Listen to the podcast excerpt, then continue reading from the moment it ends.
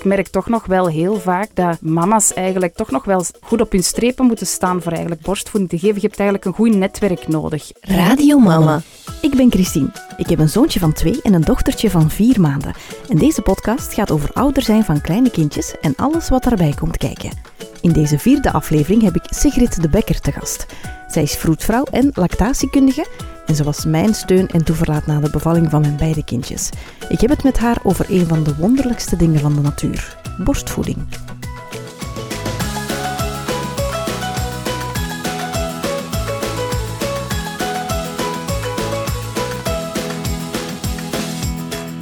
Dag Sigrid, welkom in de podcast. Hallo, dag Christine. Je bent vroedvrouw bij het Wit-Gele Kruis. Ja.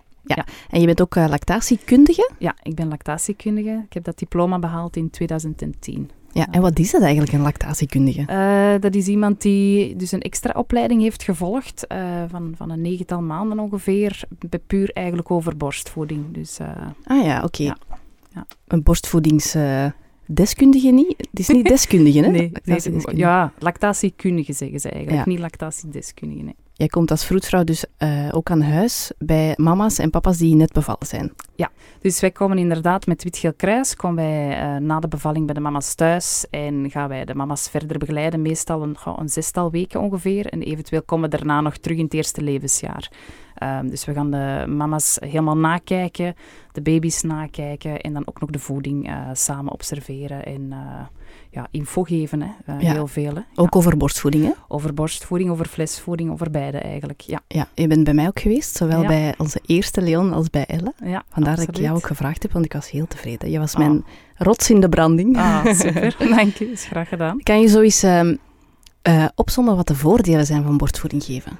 Dat zijn er heel veel verschillende. Hè? Mhm. Ehm, zowel voor, voor de baby of voor de kindjes Mhm. als de mama, maar ook zelfs voor de maatschappij en zelfs voor, voor eh, het klimaat zelfs ook al. Echt Ehm, waar? ja, absoluut. Het is een lichaams-eigen stof hè, ehm, en het past zich aan aan de leeftijd, eh, aan de seizoenen. Hè. In, de, in de zomer, als het warm weer is, zit daar meer vocht in. In de winter zit daar meer vetten in. Maar ook naar de leeftijd van een baby toe. Ja, dus het is echt op maat gemaakte voeding eigenlijk. Ja, Ja. volledig op maat gemaakt. Ook zelfs, uw, uw borsten weten zelfs als uw baby bijvoorbeeld te vroeg geboren wordt, een premature baby, ehm, dan weten uw borsten dus eigenlijk dat ze meer eiwitten moeten geven. Want normaal gesproken zou in de zwangerschap dan nog uw baby via de moederkoek of de placenta nog meer eiwitten krijgen. Dus Ja. uw borsten hebben dat door en gaan dus eigenlijk is die melk, ja, die gaan die melk dus eigenlijk aanpassen en die premature baby gaat dus eigenlijk ook meer eiwitten in die borstvoedingsmelk hebben zitten. Ja, en ook bijvoorbeeld het verschil tussen 's ochtends en 's avonds is het ook hè, de anders de melk. Ja. Ja, ja, Ja. Eh, s ochtends heb je vaak het meeste melk. Hè. Dan heb je ook net geslapen, heb je nachtrust achter de rug gehad. Hè. Of toch een aantal uren dat je eh, onderbroken eigenlijk hebt geslapen. Ehm, en s'avonds zit er vaak een minder grote hoeveelheid in, waardoor dat baby's eigenlijk wel wat terugkomen clusteren s'avonds. Dus Ja. dat kan inderdaad in de loop van een dag verschilt dat ook wel wat uh, uw melk. Ja. Ehm, maar evengoed borstvoeding heeft ook als voordeel dat het zelfs de hersenontwikkeling eigenlijk gaat stimuleren bij baby's. Mhm. Ehm, maar ook naar eczeem toe, allergie toe, eh, obesitas. Ehm, ja, de, de zaken dat zeker geweten zijn, is dat het goedkoop is. Hè. Het is op temperatuur, het is bij de hand. Je moet er Ehm, niks voor meenemen. Nee, je moet er niks van meenemen. Je hebt het altijd bij. Ehm, en dat het ook hechting en geborgenheid eigenlijk gaat stimuleren. Hè, omdat je altijd je babytje wel bij jou hebt. eh, om, ja, omdat die borsten aan je lijf hangen natuurlijk. Ja. Ehm, het zou ook antistoffen meegeven, klopt dat ook? ja, dat is een, hele groot, een heel groot voordeel. ehm, dat het eigenlijk beschermt tegen, tegen ziektekiemen. Maar zowel dus van moeder naar kind toe als andersom. Dus bijvoorbeeld als de mama ziek is, Mhm. dan geven u, gaat er via uw melk antistoffen naar uw baby toe gaan, waardoor dat uw baby eigenlijk ofwel minder lang ziek gaat zijn, of zelfs eigenlijk preventie tegen ziekte. Ehm, Ja. Maar ook andersom, als uw eh, babytje ziek moest zijn, dan besmet dat dat eigenlijk, eh, tussen aanhalingstekens, via het tepelhof, gaat een baby eigenlijk laten weten aan die borsten van, kijk, ik heb eigenlijk dit of dat nodig, want ik heb die ziektekiemen. En een aantal uur later, woeps, is eigenlijk uw melk al aangepast naar uw baby toe. Ook voor die darmflora, als ze iets tekort komen of als ze krampen hebben, dan kan een baby dus eigenlijk communiceren Mhm. met je borsten. Waardoor dat dus eigenlijk die melk verandert en eh, ja, dat die een baby eigenlijk krijgt wat dat hij op die moment nodig heeft. En dat is wel een heel knap systeem. Dat is, eh, is ongelooflijk. Ik vind ja. dat echt ongelooflijk. ook naar de mama toe. Hè. Het beschermt, die, of, of heeft, mama heeft er eigenlijk minder kans op, op bijvoorbeeld baarmoederhalskanker, uh, minder borstkanker, ook een betere botstructuur en dergelijke als ze mhm. borstvoeding geven. Maar ook zelfs naar uh, mama's die zwangerschapsdiabetes hebben. Uh, die hebben later uh, meer kans op gewone diabetes. En uh, als ze dus borstvoeding geven, dan is die kans dus kleiner. Dus dat is toch ook wel een, een heel groot punt. Ja. Um, wat toch wel een groot voordeel is, vind ik toch wel. Als dat het ook de mama beschermt eigenlijk tegen... Ja, ja, absoluut. ziektes. Ja. ja.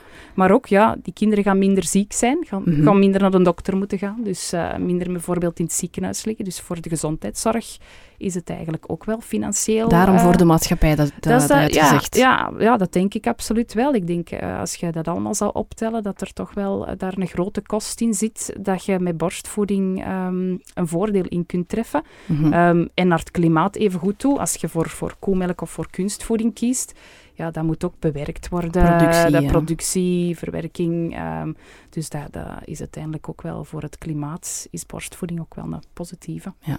Alleen voor de economie misschien minder. Ja, dat is waar. maar ja, goed. Ja. En uh, hoe zit dat dan eigenlijk met flesvoeding? Borstvoeding is, is de beste voeding voor een ja. kind. Hè? Dus daar ja. is denk ik iedereen het wel over eens. Hè? Maar de, de flesvoeding van tegenwoordig, die komt wel goed in de buurt, toch? Het is een, een waardig alternatief het is, het is goed dat we een alternatief hebben. Hè? Mm -hmm. Absoluut. Hè? Uh, en ook alle respect voor mama's die die kunstvoeding willen geven en mm -hmm. geen borstvoeding willen geven. Dat is, dat is een eigen keuze. Hè? Mm -hmm. En dat moet elk gezin voor zichzelf uitmaken. Ja. Kunstvoeding kan eigenlijk, proberen ze inderdaad wel na te maken, uh, maar als je kijkt wat het erin zit, pakt dat je een tweetal pagina's hebt van wat er in kunstvoeding in zit, maar mm -hmm. het zijn meer dan zeven pagina's, denk ik, dat er in moedermelk zitten, of zelfs al meer. Ja. Ik denk dat we nog, ze ontdekken nog altijd zaken. Die... Het is zo ingenieus gewoon, Absoluut, dat het niet na te maken niet, is. Nee, ja. dat ze het niet kunnen namaken. Maar het is wel goed dat we een alternatief hebben, hè. dat denk ik absoluut wel. Hè. Ik bedoel, dat... Uh... Ja. Maar na te Want er maken. zijn, ook, er zijn ook mama's die, die daarvoor bewust voor kiezen hè, om flesvoeding ja. te geven. Ja. Ja, ja. ja, dat is hun volste recht ook natuurlijk. Hè. Ja, absoluut. En ik denk dat daarbij wel belangrijk is dat je op voorhand gewoon goed geïnformeerd bent uh, over de voordelen van beiden. Hè? Ja, en de ja dat, van beiden. dat doen we ook altijd inderdaad. Tijdens de zwangerschap ook al uh, de info geven over borstvoeding, flesvoeding en de vragen die alle ouders hebben. En voldoende informatie is zeker een heel belangrijke uh, naar ouders toe voor een keuze te kunnen maken. Een mama die geen borstvoeding geeft en dus bewust kiest voor flesvoeding, die moet zich nog wel vaak verantwoorden hè, naar de omgeving toe. Merk jij dat de druk hoog is voor mama's om borstvoeding te geven? Ik, ik, merk eigenlijk soms nog andersom. Als je ziet nu, 40 jaar geleden bij wijze van spreken, dan was het nog een heel andere generatie. Mm -hmm. um, ik hoor nog altijd het verhaal van mijn moeder zelf. Toen was het echt een kunstvoedingsgeneratie nog. Mm -hmm. Als ze toen wouden borstvoeding Omdat geven... Omdat dat toen nieuw was of zo? Ja, ja ik denk het. Dat ja. was toen helemaal een opmars van de kunstvoeding. Toen mm -hmm. dachten ze dat dat beter was. Uh, en, en, mijn moeder vertelde ook nog altijd van ja, als je toen borstvoeding wou geven, dan moest dat serieus ook op je strepen staan. Want ja, daar werd s'nachts, die kinderen, die werden apart gelegd nog. En nu mag dat niet meer volgens de wetgeving. Hè. Moeder en kind mogen niet meer gescheiden worden. Maar toen werd dat wel gedaan. En ik weet, ja. ja. gelukkig. En, maar mijn mama vertelt ook nog altijd van ja, hè, ik stond daar dan met volle borsten met stuwing. Mm -hmm. En ja, de baby was daar aan het wenen. Hè. Ik of mijn broer, dat weet ik niet meer. Maar dat ze daar dan stond. En ja, de verpleegster of de vroedvrouw had dan al een flesje gegeven. Dus als je toen eigenlijk borstvoeding wou geven, ja, moest je ook al echt op je strepen staan en dan na het ziekenhuis veel gaan aanleggen en gaan doen. Dus er is wel in de, de 40 jaar die eigenlijk nu gepasseerd zijn, is er heel veel al, al een, een, een, een draaiing geweest eigenlijk naar borstvoeding toe. Hebben, hebben ze veel wetenschappelijk onderzoek gedaan en hebben ze ook wel echt gezien van kijk, wat al die voordelen um, en die belangen zijn van borstvoeding. Um, maar ik merk toch nog wel heel vaak dat mama's eigenlijk ja, toch nog wel goed op hun strepen moeten staan voor eigenlijk borstvoeding te geven. Je hebt eigenlijk een goed netwerk nodig. Hè? Mm -hmm. uh, de meeste mama's die nu bevallen zijn, die hebben vaak ouders of mama's die toen kunstvoeding hebben gegeven. Ja. En het is niet evident. Hè? En ja. die misschien makkelijk zeggen van, ja, uh, ja zeg, als het niet goed, goed gaat, geef, het, uh, geef dan maar kunstvoeding. Ja, inderdaad. Hè? Dat, dus je moet al inderdaad zien geven, doe geven ook. Hè. Als jij een mama hebt gehad die ook borstvoeding heeft gegeven, die weet wat dat, dat inhoudt. Ja. Dus ik hoop dat de volgende generatie dat dat weer al Een volgende stap is dat die, dat die eigenlijk goed mee ondersteund worden door de ouders. Hè. Toen hebben ze ook gedaan hetgeen dat ze dachten dat dat ook wel goed was. Hè. En daar is niks verkeerd mee geweest. Maar natuurlijk, ja, de wetenschap evolueert. Hè. Vroeger lieten ze ook baby's huilen, want dan dachten ze, ja, anders gaan ze Ja. verwennen. Hè. Dat Mhm. is ook allemaal al een hele omkeer uiteindelijk nu. eh, dat ze ook gemerkt hebben van nee, hè, dat is voor die stresslevels voor die baby's, dat kunnen die eigenlijk nog niet verwerken. Het is belangrijk dat die bij de, bij de mama's zijn. En dat soort ideeën zijn heel ehm, standvastig, moet ik, is dat nu het juiste woord? Heel hardnekkig, dat is Ja. wat ik wil zeggen. Ja. Als je als mama iets anders gelooft, dan moet je echt wel vaak Ja. in de, uit je omgeving horen dat het ja, toch niet goed is. Of eh, ja, je moet, je moet nogal op je... Allee, op je strepen kunnen staan als mama, hè, inderdaad. staan, En je ja. bent onzeker als nieuwe mama dan. Ja. En dan Ja, en dat moeten we nog eens gaan ja, verdedigen. ik denk zowel voor de keuze voor borstvoeding als voor de keuze voor flesvoeding Voor dat mensen zich moeten verantwoorden. absoluut. En het is Ja. jammer dat mensen zich moeten verantwoorden. Absoluut, ja. dat, dat hoeft uiteindelijk tot... allee, mensen moeten doen waar ze zichzelf goed bij voelen. Ja. Ehm, zolang dat ze maar voldoende en juist geïnformeerd zijn. Dat is soms ook wel een probleem, denk ik. Want er is soms zoveel info dat je gewoon door het bos de bomen niet meer. Nee, hè? Vandaar dat ik, dat, dat ik ook met die podcastreeks begonnen ben. Omdat Ja. ik zelf eigenlijk op zoek ging naar iets om te horen. Omdat ik geen tijd had om te lezen. en ik vond er geen. Ja. Eh, alleen maar Nederlandse of Amerikaanse. Dus ik dacht, ik doe het gewoon zelf. Gat, een gat in de markt. Ja, voilà. Want er is zoveel info. Hè? En, en als je voor de eerste keer zwanger bent, dan zijn er zoveel dingen dat je echt nog niet weet. Nee, En dat je dat misschien wel ontdekt als je bezig bent. Maar ja, zoals bij borstvoeding moet het wel op voorhand geïnformeerd zijn natuurlijk. Want Ja, het begint ja. meteen. Hè? Ja, absoluut. Ja, het Ja. start inderdaad meteen. Dus daarvoor zijn jullie heel belangrijk, hè? de vroedvrouwen. Absoluut. En dat doen wij met heel veel plezier en passie. Dus eh, nee. Er zijn eh, eh, onderzoeken die tonen dat maar 2% van de vrouwen niet in staat is om borstvoeding te geven. Klopt dat? Ja, het merendeel van de vrouwen kunnen eigenlijk allemaal hun kind voeden. Ja. En hebben eigenlijk voldoende melk.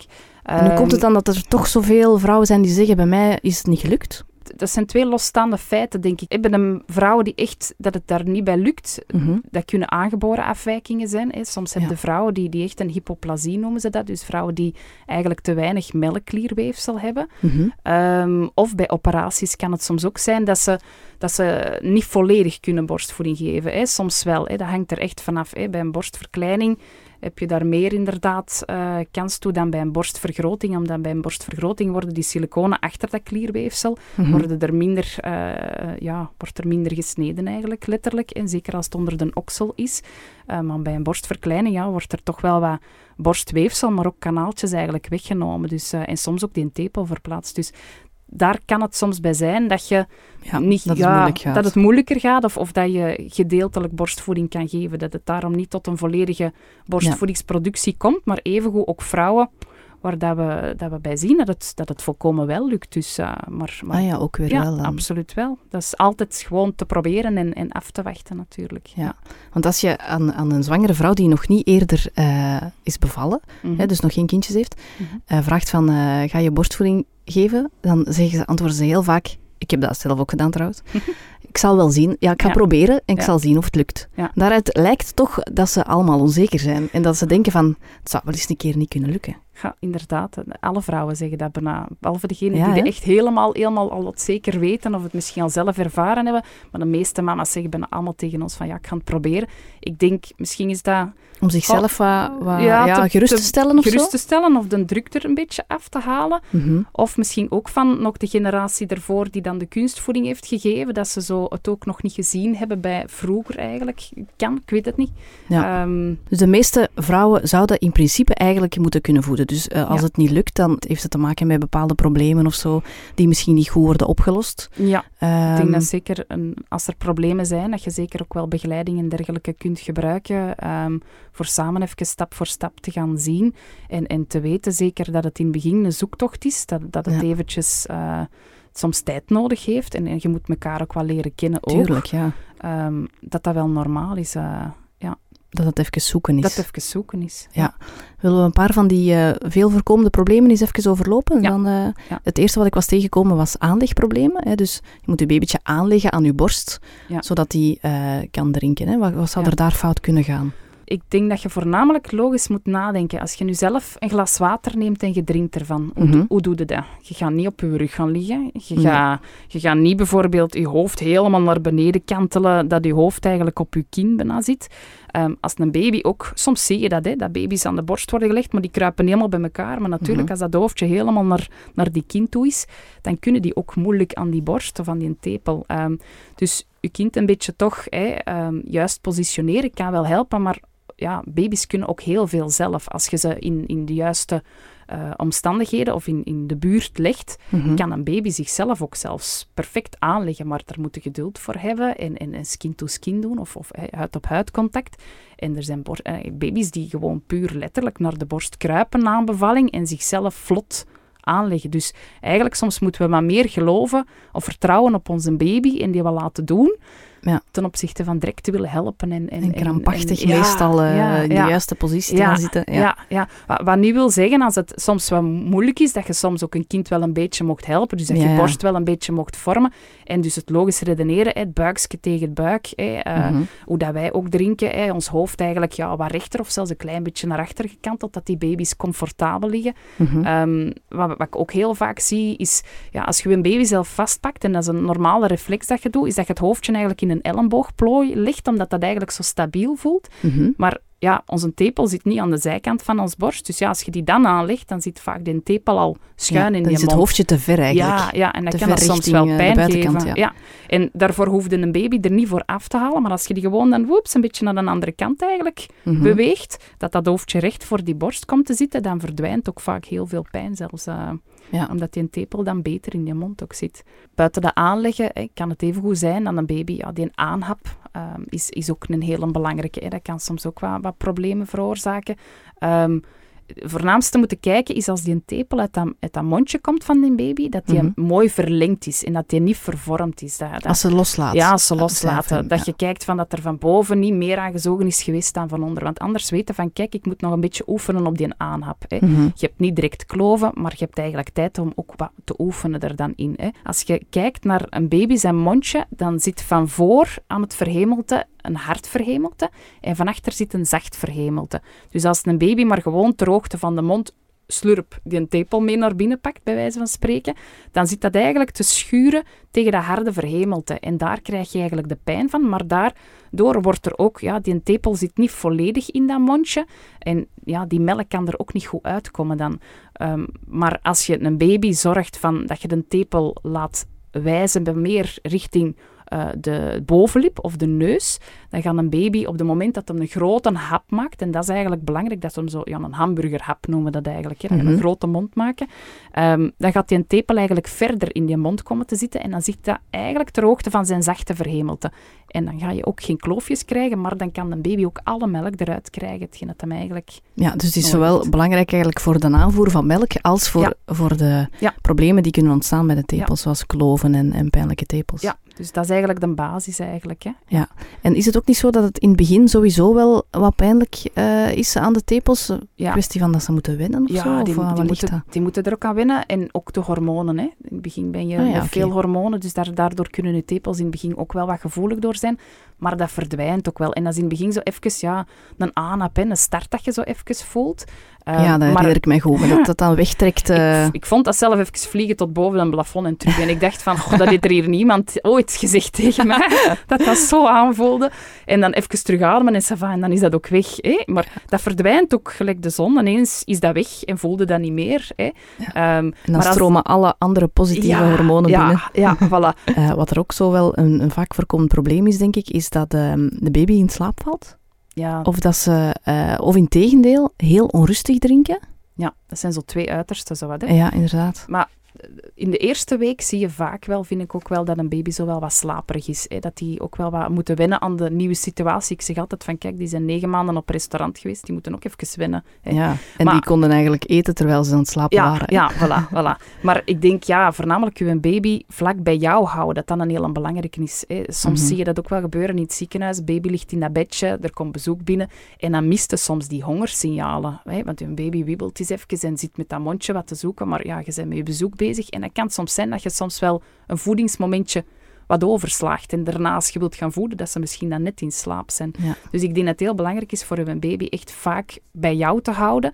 En te Ehm, volgen. ja. en te volgen en dat je, dat je kunt zien naar die hongersignalen. Hè? Want wenen is een allerlaatste teken eigenlijk ehm, dat een baby honger heeft. Dat is, dat is het allerlaatste. Hè? Normaal doen ze echt je mondje wat open of beginnen ze te Smakgeluidjes. Mm. Je vuistje naar hun mond brengen. Dat zijn zo wat de eerste tekenen dat je kunt zeggen van oké, ik ga nog heel even naar het toilet, ik ga starten, ik ga me goed zetten Ja. en we gaan beginnen eigenlijk daaraan. En Dus, de, ehm, die eerste dagen in het ziekenhuis wordt toch ook wel aangeraden om zo om de drie uur eigenlijk borstvoeding te geven, ook s'nachts. Maar dat is misschien eerder voor de melkproductie. Dat is voor de melkproductie ook inderdaad... Ik kan, ik kan het eenvoudig uitleggen. Je hebt een elektriciteitskast en die staat open en er zitten Mhm. allemaal lampjes in. Mhm. En die branden niet. Iedere keer als dat jij aanlegt of als jij borsten stimuleert of afkolft, hè, dus stimulatie, gaat er een lampje branden. Mhm. Doe je niks, dan gaat er geen lampje branden.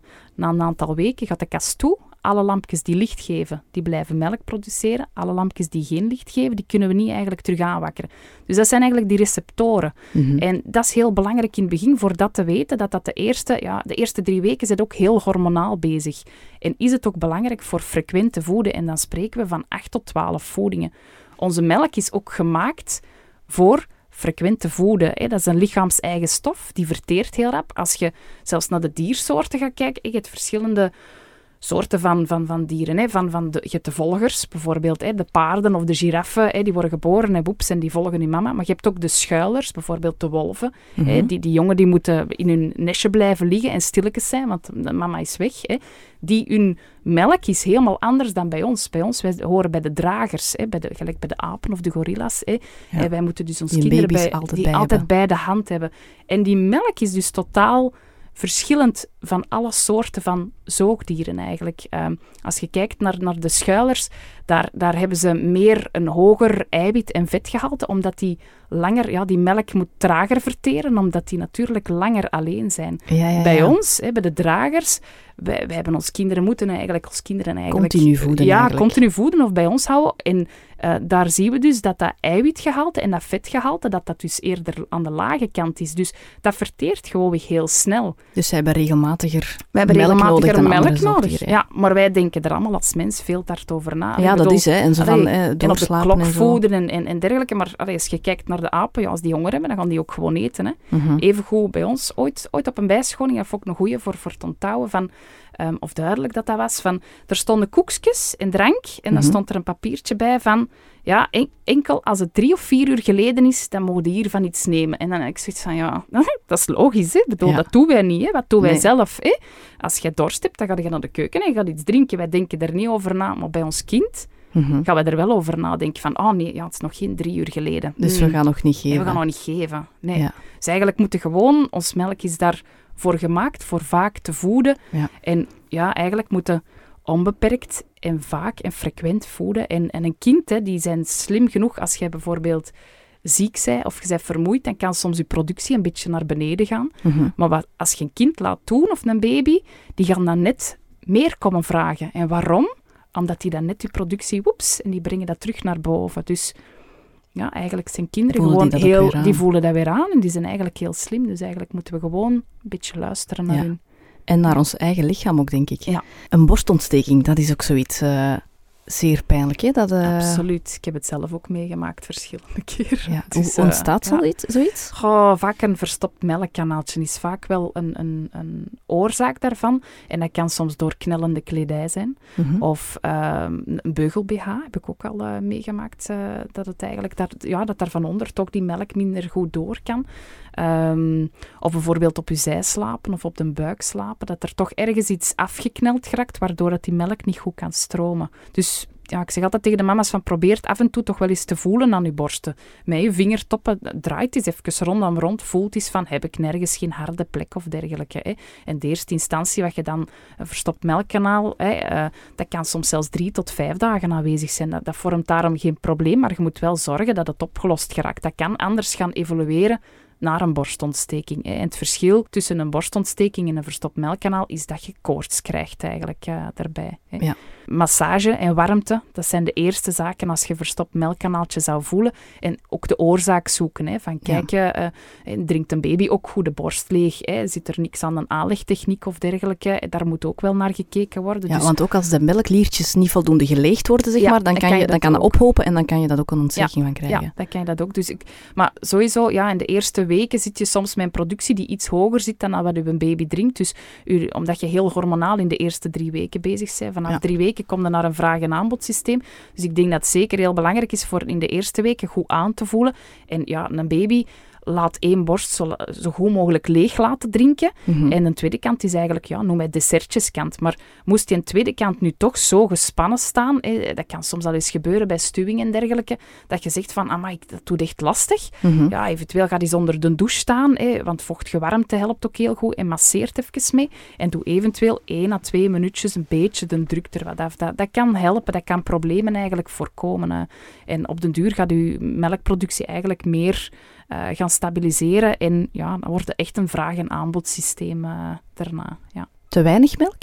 Is dat ook eh, iets wat vaak voorkomt? Je hoort het wel vaak, hè? Van, ik heb geen borstvoeding kunnen geven of het bij mij is niet gelukt, want ik had niet genoeg melk. ja, sommige Zo in de generatie van, van mijn ouders, zo heb ik dat al wel een paar Ja. keer gehoord. Sommigen zeggen dat zo tijdens de eerste drie dagen. Hè, van, oh, ik, heb, ik heb geen melk, ik heb geen Mhm. melk. Maar ja, de eerste drie dagen, die melk is ook nog totaal anders. Hè. Dat, wordt, dat gaat geleidelijk aan mee omhoog, die, die hoeveelheid eh, van melk eh, Mhm. met dat maagske. Dus die eerste melk, dat is dat colostrum, dat is het goud van de borstvoeding. Hè.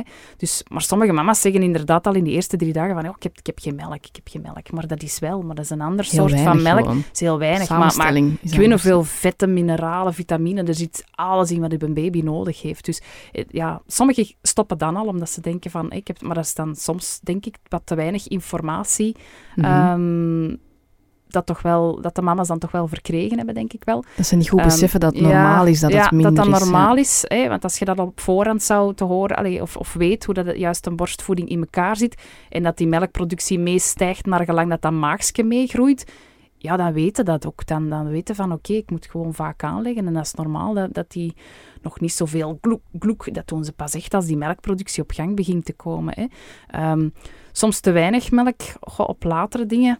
Ehm, stress, vermoeidheid zijn natuurlijk twee boosdoeners. Hè, bij, bij, eh, bij borstvoeding. Dat kan soms die productie soms wel wat remmen. Mhm. Dus ik denk zeker, ja, ehm, de stress wat proberen weg te nemen. Dat is al zeker een factor. Eh, ook ja, kijken. niet, niet gemakkelijk voor een eh, Nee. nieuwbakken mama. Nee, nee, nee, nee, nee, absoluut en de vermoeidheid Maar- ook niet. ja, en een netwerk mee hebben. Hè. Mensen die je mee Ja. ondersteunen en dergelijke. Ehm, en ook kijken, te weinig melk. Ga, als een baby verkeerd aanhapt en Mhm. die heeft die, die tepel niet volledig in die mond, ja, dan krijgt hij die melk ook niet volledig eruit. Dus ik denk dat daar ook naar moet gekeken worden. Er moeten naar de oorzaken moeten gaan gezocht worden. Hè. Of een Ja. tekort tongriempje, dat, waardoor dat ze die melkklieren niet goed kunnen ledigen. Het zijn verschillende Maar vaker is het misschien er zo dat het lijkt alsof je te weinig melk hebt, maar dat het eigenlijk Ja. niet zo is. Maar ik denk voornamelijk niet voeden op klok.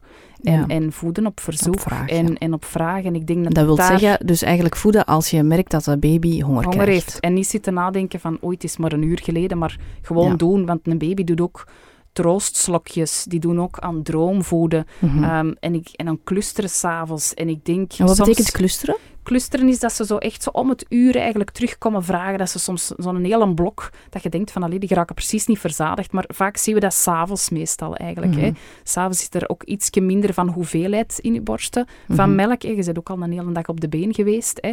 Ehm, dus en dan komen ze gewoon sneller eigenlijk vragen. ehm, en door gewoon veel aan te leggen, ja, dan gaat dat vanzelf ook. Daarna vallen die toch weer terug in een blokje eh, voor te slapen. Dus Ja. stabiliseert zijn eigen. Een babymaagje is in het begin, eh, als ze pas geboren zijn, maar een knikker groot of zoiets. Hè? Klein knikkertje nog maar. Ja. Ja. ja. en vanaf dag drie wordt dat, allee, ongeveer, hè, eh, wordt dat een grote knikker. En vanaf dag negen een pingpongbalkje. Maar natuurlijk, bij elk kind verschilt dat wel wat. Ja, hè. Maar maar, Allee, maar ongeveer, het ja. groeit, ja. ongeveer. Hè? Maar, maar het groeit dus mee naarmate dat die melkproductie naar boven gaat. En dat is wel knap eigenlijk. Hè? Eigenlijk zijn uw borsten daarop aangepast.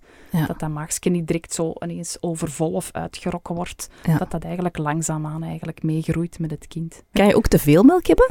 Eh, ja, dat kan inderdaad. hè. Eh, soms te veel. Soms kan je ook tijdens stuwing je Mhm. soms ook wel een beetje te veel melk. Hè. Een stuwing, dat wil zeggen dat de borsten eh, vol zitten met melk? Ja, dat Ik, is- ik weet wat dat is, ik ga het nooit meer vergeten als je dat ooit eens hebt nee, gevoeld. Nee, nee, dat vergeet je niet. Hè. Dat, eh, maar meestal is dat vanaf dag drie eigenlijk. Heel uw melktoevoer komt eigenlijk toe. Dus, en soms zit het dan toch wel echt wel qua productie wel hoger dan dat eigenlijk je baby op dat moment eigenlijk gaat drinken. Eh, en vaak komen ze dan korter drinken, want dan krijgen ze ineens gloek, gloek, gloek. En als die dat dan vijf à tien minuten doen, dan hangen die ervan, oh mama, alstublieft, geen tweede borst. Hè. Dat, dat kan ik niet meer aan. Dus ja, dan zitten vaak ook wel met te veel melk, maar dat is een normaal patroon eigenlijk in de borstvoeding, dat je in het begin die colostrum hebt, dat je daarna die stuwing hebt, en je hebt al een gelukstuwing, maar eens één keer tijdens heel je borstvoeding eigenlijk. Hè. Dat, eh, Ja, daarna gaat dat normaliseren. want dat is wel echt pijnlijk, hè? Je borsten zijn dan ook drie maanden groter of zo. Ja. Het is echt, eh, en wat kan je daar zo tegen doen als je stuwing hebt en het doet heel veel pijn? Eh, goh, je babytje gaat sowieso vaker komen vragen voor eten. Eén borst goed laten leeg drinken. Mhm. En pas de tweede eigenlijk inderdaad als dessert te nemen. En als de tweede kant echt te gespannen staat, er wat warmte op leggen en eventueel gewoon weer kort die druk eraf doen. Eigenlijk is dat een, een, een kleine truc, maar wat veel problemen kan voorkomen, is gewoon kort een druk er even afdoen als je last hebt. Ja. Eén à twee minuten, meer hoeft dat zelfs niet te zijn. Soms loopt dat er vanzelf uit. Hè. Als je onder de douche staat en je wat Mhm. masseert wat, dat is even goed een druk even aflaten eigenlijk. Dus daarmee kun je wel problemen voorkomen. Wat warm te leggen, zeg je, Warm te ook leggen. soms? Ja, ja, ja, of twee pampers nemen. Het is, het is een Ja. raar zicht. Je hebt niet graag dat er dan iemand binnenkomt, maar het werkt wel goed. Dus je doet er aangenaam warm water in. Ja. Je, je borsten passen er goed in. Je hebt van boven warmte, je hebt van onder warmte. En als ze lekken, dan komt dat in je pamper. Dus dat is wel heel praktisch dat je die pampertjes Ik heb dan het hebt. ook gedaan. Met gember Ja. erin zelfs. Ja. Gember laten koken en dan dat gemberwater eh, erin. Ja, maar dan moet je zien dat je het ook niet op je tepel of dergelijke, want anders kan dat soms een beetje pikant zijn voor de kleinmannen. Voor... Ah ja, maar zij moest, dus toen ik moest stoppen, hè, had Ah, ik heel ja, gevoelig, had ik terug zo wat stuwing. Ik weet niet of dat effectief stuwing was, maar het voelde wel zo. Ja, ja dat, is dan, dat is Ehm, dan heel gespannen eigenlijk. Hè? En dan werd mij dat gezegd van eh, gember eh, koken en dan in een pamper. Blijft zo lekker warm inderdaad. Ja. Warmte is zeker eh, een hele goede tip bij borstvoeding. Dat doet de melk stromen, dat maakt alles los eigenlijk. Hè. Ja. En voornamelijk ook uw baby bij u nemen. Hè. Oxytocine komt vanzelf vrij eigenlijk, dat is uw liefdeshormoon, maar dat doet ook uw melk stromen. Ja. Dus door uw baby bij u te pakken, Dat is ook zoiets dat ik ongelooflijk vind. Maar echt. Die hormonen bedoel je? Ja, zo dat dat, ja, gewoon zo, inderdaad, je, je ziet je, je, je baby en je denkt, Ja. ah, ik zie dat, dat babyke zo graag. Ja, en up, je voelt ineens je borst vol schieten. Ja. Dat is toch Dat ongelooflijk? is toch maf, hè? Dat ja. is echt maf, ja, ja, ja, absoluut. Je, je dat gewoon, lichaam ja, zo werkt. die liefde voor je kind, dat is echt, dat is Ja. direct en onmiddellijk. En ja, en dat, dat dan, voor, die, dat dan die Ja. borsten zo daarop reageren. Ja. Ze van, Ik had dat zelfs als op de tv een, een, een kindje huilde. Oh, hoe rap dat ik dan van post niet verzapte. omdat je anders... Omdat je anders zo, oh, dan Ja. voelde dat toeschieten. Hè. Ja. Ja. Dat, eh, ja, je lijf werkt daar gewoon weg op. Hè. Dat Reageert reageert erop. Hè. Ja, voilà. Dat vind ik echt zot. ja, dat vind ik echt zot. Veel hormonen, hè, komen er Ja. wel aan te pas. ja abs- absoluut. Hè. Ja, zowel negatieve, hor- allee, negatieve hormonen, ik wil zeggen, die negatieve effect misschien hebben, als, als positieve.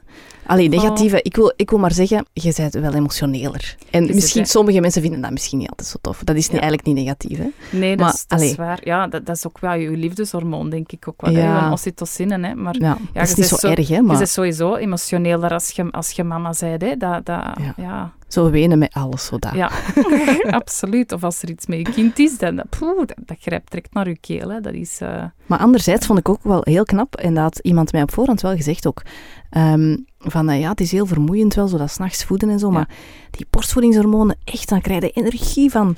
Ja, want vanaf dat je dan zo stopt met die borstvoeding, voelde dat verschil wel. Dan slaapt je eigenlijk wel misschien soms langer, Ja. maar je voelt je toch Ja. sneller moe. je kwaliteit, hè, het is ook bewezen van, van als jij borstvoeding geeft, er komen hormonen vrij, waarbij, waardoor dat je eigenlijk sneller terug in slaap valt, maar ook dieper in slaap. Dus je hebt eigenlijk een betere slaapkwaliteit. Dat is eigenlijk hetgeen dat borstvoeding ook wel doet. Ja. En, en ja, die kracht van een baby, ik vond dat zelf ook frappant. Van hoe moe dat je ook zei, die baby moet maar één kick geven. En goh, je zegt nooit van, goh, daar hebben we hem weer. Hè. Dat zeg je Nee. nooit. Hè. Je staat er direct voor. Hè. Dat, Ja. is, dat is Ja, er onvoorwaardelijke misschien wel eens een keer op vloeken, maar toch Ja. doet je het. En allee, Ja. je zou er nooit spijt van krijgen Nee, of zo dat je het Nee, doet. absoluut. Nee, ja, dat is heel knap hoe dat het lichaam in elkaar zit. Vind ik een van de, de knapste staaltjes van de natuur eigenlijk. Zo. Ja, ja, ja, dat is immens. Hè.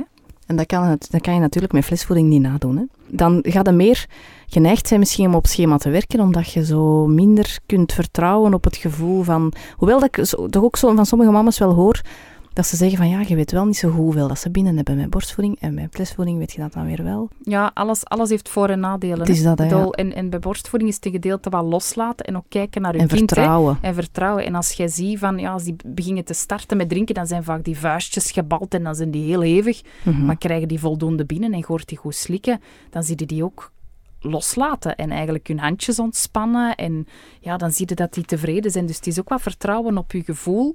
Dat je gevoelsmatig ziet van, kijk, mijn kind heeft voldoende. Ik hoor het, ik zie het, ik voel het aan mijn borsten dat het oké is. Hè. Ja. Ehm, maar er zijn ook vrouwen die, die, die soms moeilijk vinden om die controle los te laten. En ja, dan, ik heb ook al mama's gehad die gewoon liever al kolvend borstvoeding geven. Die geven uiteindelijk ook moedermelk. Ja. Maar die zich daar er beter bij voelen. Ja, de- ik bedoel, ja, waarom niet? het is hè? niet zwart Ja. of wit, vind ik altijd. hè. Ik bedoel, je moet een beetje zien wat voor jullie zelf de Wat je zelf ziet ideale zitten, hè. situatie, eh, wat dat je zelf ziet zitten. En de hè. situatie verschilt ook eh, van persoon tot persoon. Ja. Hoe komt zo'n borstvoeding eigenlijk op gang? Is dat een kind wordt geboren en moet meteen aan de borst drinken? En, en kan dat ook al? Vanaf de vijfde zwangerschapsmaand dan beginnen die melkklieren eigenlijk te groeien en wat te activeren. En sommige mama's die kunnen al door dat prolactinehormoon, hè, dat, het hormoon dat eigenlijk de melk aanmaakt, soms al wat lekkende borsten hebben. Mhm. Maar daarom hebben niet alle mama's dat. Hè. Ehm, maar de moederkoek of de placenta, Mhm. die eh, geeft eigenlijk nog hormonen af die eigenlijk die prolactine nog wat tegenhoudt hè, Mhm. of onderdrukt. En van zodra dat eigenlijk die moederkoek geboren is, oeps, kan die pro- vallen die hormonen weg en kan die prolactine eigenlijk haar werk gaan doen en kan die melk gaan aanmaken. Maar natuurlijk, er moet ook stimulatie zijn. Hè, dus de baby moet gaan drinken en gaan stimuleren en dan geeft dat een signaal naar de hersenen voor Ja. weer al melk aan En die maken. kan dat meteen, hè, de baby. Die kunnen dat, hè? Ja, Ja, dat, dat ja, is dat zot, zijn, hè? er zijn heel toffe filmpjes van op YouTube zelfs. eh, de, de, de breastfeeding crow. Hè? Dat een baby zo echt kruipt. Naar boven kruipt. Ja, ja, Ja. maar je moet het soms echt wel wat tijd en geduld geven. En Mhm. echt eh, ononderbroken huid, huid op huid contact. En als je die baby's dan laat doen, die kruipen richting die borst en die happen zelf aan. Dat is eh, heel mooi om te zien. Ja. Dat is eigenlijk direct zo... Ja. Je kunt vertrouwen op zowel de baby als op jezelf, dat je het wel... ja. Het is wel... Ja. Allee, het is wel goed om al de info op voorhand te hebben en dat je ook weet van wat zijn de mogelijke problemen en hoe kan ik dat voorkomen. Mhm. Maar eigenlijk kunnen we het allemaal, hè. Ja, en een beetje go with the flow ook, hè. Ja. En aanvaarden dat Niet het te veel zorgen Niet te maken. veel zorgen maken en, en gewoon op je gevoel vertrouwen en naar je baby eh, ja, Misschien- luisteren. En, Misschien Ja. is het ook wel zo dat als, als vrouwen te weinig geïnformeerd zijn op voorhand en eigenlijk niet goed beseffen dat het bijvoorbeeld wel kan pijn doen in het begin, Mhm. dat ze dan ook sneller gaan opgeven. Dat ze zoiets hebben van, wow zeg, wat is dit? Ja, dat kan, hè. Dit ja. is toch niet normaal? Of, hè? Ja, ik denk Ehm, dat daar zeker een goede informatie nodig is. Maar, en, en begeleiding, dat, dat, Ja. dat is zeker absoluut wel. ja, door de vroedvrouw in het ziekenhuis Ja, en dan achteraf dan door de vroedvrouw die aan huis komt. Ja, ja, zeker nu met die verkorte lichtdagduur is dat ook wel eh, inderdaad een heel groot voordeel. Dat de mama's dan nog thuis verder begeleid Absoluut. worden. Dat, eh, Ja. Mag je alles eten en drinken als je borstvoeding geeft? Eh, ja, eh, vroeger werd dat gezegd eigenlijk van niet. Mhm. Vroeger moesten bepaalde zaken weglaten. Ehm, nu wordt er gezegd, je mag eigenlijk alles eten, maar alles met mate. Dus dat Ja. wil, er zijn wel bepaalde zaken dat we weten van dat, dat meer krampen zouden kunnen geven. Gelijk eh, pikant eten, bruisdranken, ehm, vruchten met pitten in. En ik ben nog heel even aan het denken, welke is er nog? Kolen? Ja, kolen, inderdaad. Ja, Bloemkool en maar ik kon zo, er ja. even niet opkomen. Ja, ja ik ken ze allemaal. Helaas. Nee, dus die vier zaken weten we van, oké, dat kan krampen veroorzaken. Ja. Maar ja, vroeger mocht je dat dus niet eten. En nu zeggen we dus, ja, kijk, je mag dat eten, maar alles met maten eigenlijk. Eh, dat is een heel belangrijke. Dus je mocht eens hè, een glasje fruitsap drinken, maar daarom niet een heel fles fruitsap. Of je mocht eens wat druiven eten, maar niet een hele tros druiven. Gewoon eigenlijk eh, alles, ja, wat, wat logischerwijs is, gewoon met maten eten. Ja. Ja, en als je merkt dat ze er niet op reageren, dan weet je wat Nee, het kan. Dan hè. weet je dat het oké is. En als je merkt van, goh, ze hebben toch veel last, is nadenken, goh, wat heb ik Wat heb dag ik ervoor, gegeten? wat heb ik gegeten? Dat is even weglaten, maar daarna ook terug starten. Hè. Dat kan soms gewoon door nog een beetje die onrijpheid van die darmen zijn, dat ze Ja. daar wat op reageren. En dat zie je bij heel veel kinderen ook wel. Hè. Eh, ook zelfs na- naar die koemelk toe ook, dat ze daarvan Ja. in het begin eigenlijk nog wat onrijp, die darmen voor zijn. En dat die, ja, als er grote hoeveelheden koemelk benuttigd worden door de mama, dat, dat die kinderen daar wat op reageren. Maar dat is vaak dan door onrijpheid van die darmen. En als Ja. je dat vaak dan even een periode wat weglaat en je probeert dan nog eens even terug, een klein beetje, hè, zo eens even Ja. ja. een, een, eh, moet ik het zeggen? Uitlokken. Een- even uitlokken, Mhm. ja, inderdaad. Dan kan dat zijn dat, dat, eh, dat dan die darmpjes er meer klaar voor zijn eigenlijk. De kinderen die er echt uitkomen met echt een volwaardige koemelkallergie, ik denk dat dat kleiner is. Ik denk dat er Ja. heel vaak gewoon eh, nog de onrijpheid van de darmen is. Dat, Mhm. dat is gewoon een lichaamsvreemde stof uiteindelijk, die die koemelk, ehm, elk dier zijn eigen melk een beetje zeker. Dat die moeilijk kan verteerd worden. Ja. Ja. En hoe zit het eigenlijk met alcohol? Dan mag je drinken, maar natuurlijk ook met mate, hè, Mhm. al de rest. Want het komt rechtstreeks wel bij het komt, kind terecht. dat is het enigste dat direct eigenlijk rechtstreeks in de melk zit. Dus eigenlijk, als je toch eens een glaasje wilt, of een glaasje wilt meeklinken, Mhm. eh, dan best eigenlijk vlak na een borstvoeding te doen. Hè, omdat dan twee à drie uur later is dat er eigenlijk ook terug uit. Maar meer dan twee glaasjes borstvoeding werkt ook wel melkproductie verlagend eigenlijk. Dus dat ja, is dus wel- zeker niet elke dag. Maar je moet je ook niet schuldig voelen als je eens je een keer een glaasje meedrinkt. Ja. Ja, Meestal heb je ook niet zoveel zin in alcohol en Nee, nee, nee, dergelijke. dat is En- zo en- moe inderdaad. En, worden nog, nog moeer. Ja, je hebt meestal die zaken waar, waar het eigenlijk minder goed zijn, gaat er ook minder zin in hebben eigenlijk. Dat, eh, Dat is zo, ja. ik, ik heb geen mama nog niet geweten die echt zo, woeps, en ik gewoon een fles. Nee, Nee, absoluut. Nee, nee. absoluut niet. Ik heb dat nu zelfs nog altijd niet, omdat ik gewoon zo moe ben. Ik geef zelfs geen borstvoeding meer. Ik ben kort er gewoon zo moe van. Ik ben al zo moe.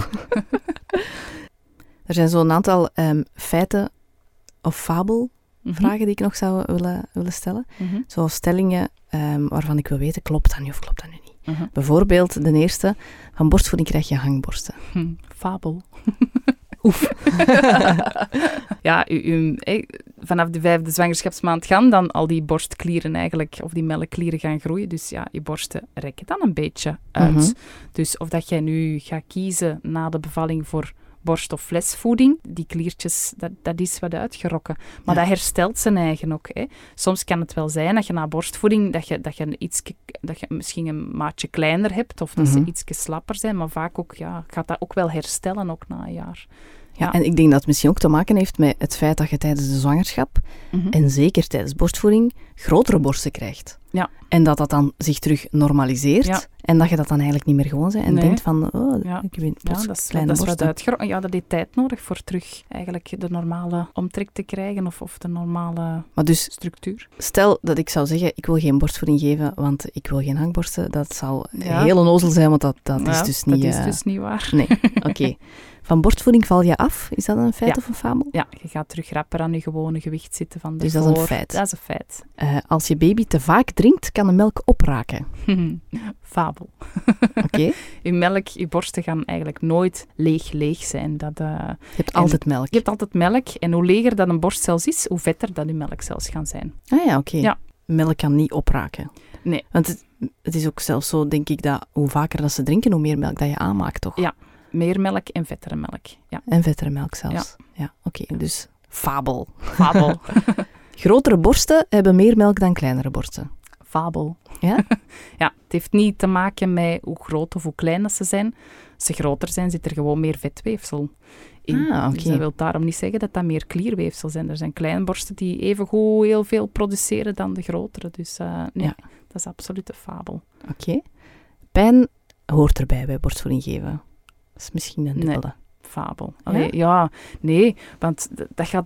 Het begin, die, die startingen, inderdaad, dat je wel voelt. hè. Mhm. Ehm, De startpijn als ze aanhappen. startpijn ja. als ze aanhappen, maar dat, dat moet ook... Allee, dat is ook niet zo Dat is niet echt de pijn zoals dat je ze zou ervaren. Als, er, als je echt pijn voelt, dan is er meestal waarschijnlijk iets aan de hand. Ja, dan liggen ze wa- waarschijnlijk verkeerd aan. Ja, of, dan eh, dan is een aanhap verkeerd. En dan moet je gewoon even pink in de mondhoek, even de vacuüm verbreken en even terug eh, aanleggen. Dus het zou Maar er niet bij pijn- mogen nee, horen. het zou er niet mogen bij horen. Maar Ja. in het begin is het altijd eventjes zoeken en je tepels moeten ook eventjes ja, ja, eraan wennen. Ja. Ik denk dat dat het eigenlijk is, maar pijn hoort er eigenlijk niet bij. Dan heb ik er nog eentje. Eh flesbaby's slapen sneller door dan baby's die borstvoeding krijgen.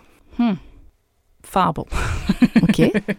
Al, al ligt natuurlijk wel kunstvoeding, hè, dat, is, dat is altijd zo het, het gezegde, daarom willen vaak mensen ook kunstvoeding geven, maar ze hebben zo van, Sneller ja, doorslapen. sneller doorslapen, maar dat is daarom niet een feit. Ik bedoel, baby's zijn niet gemaakt voor direct in één keer een hele nacht Door te slapen. door te dat is iets waar heel mama's hard op gefixeerd zijn, maar inderdaad Ja. eigenlijk niet zo Nee. natuurlijk is, hè? Nee, doorslapen voor Nee, kinderen. Soms wil ze gewoon Kleine wat geborgenheid en dergelijke ook. Hè, dat, of wat droomvoeden, inderdaad.